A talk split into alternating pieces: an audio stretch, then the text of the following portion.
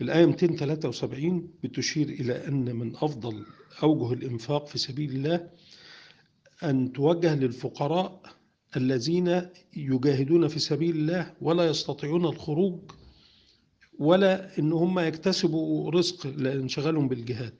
فده آه، من أفضل أوجه ال- ال- الإنفاق إن آه، أساعد هؤلاء الفقراء.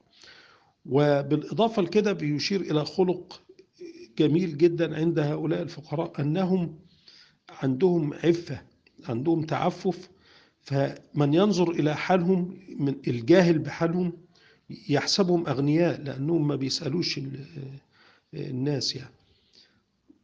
تعرفهم بسيماهم يعني أرى أثر الحاجة في في في وجهه وتصرفاته وحاله باين عليه إنه يعني محتاج ولكنهم لا يسألون الناس إلحافا. فلو سأل حد حتى ما يبقاش عنده إلحاح كده يقعد يزن يعني عاوز كذا عاوز كذا.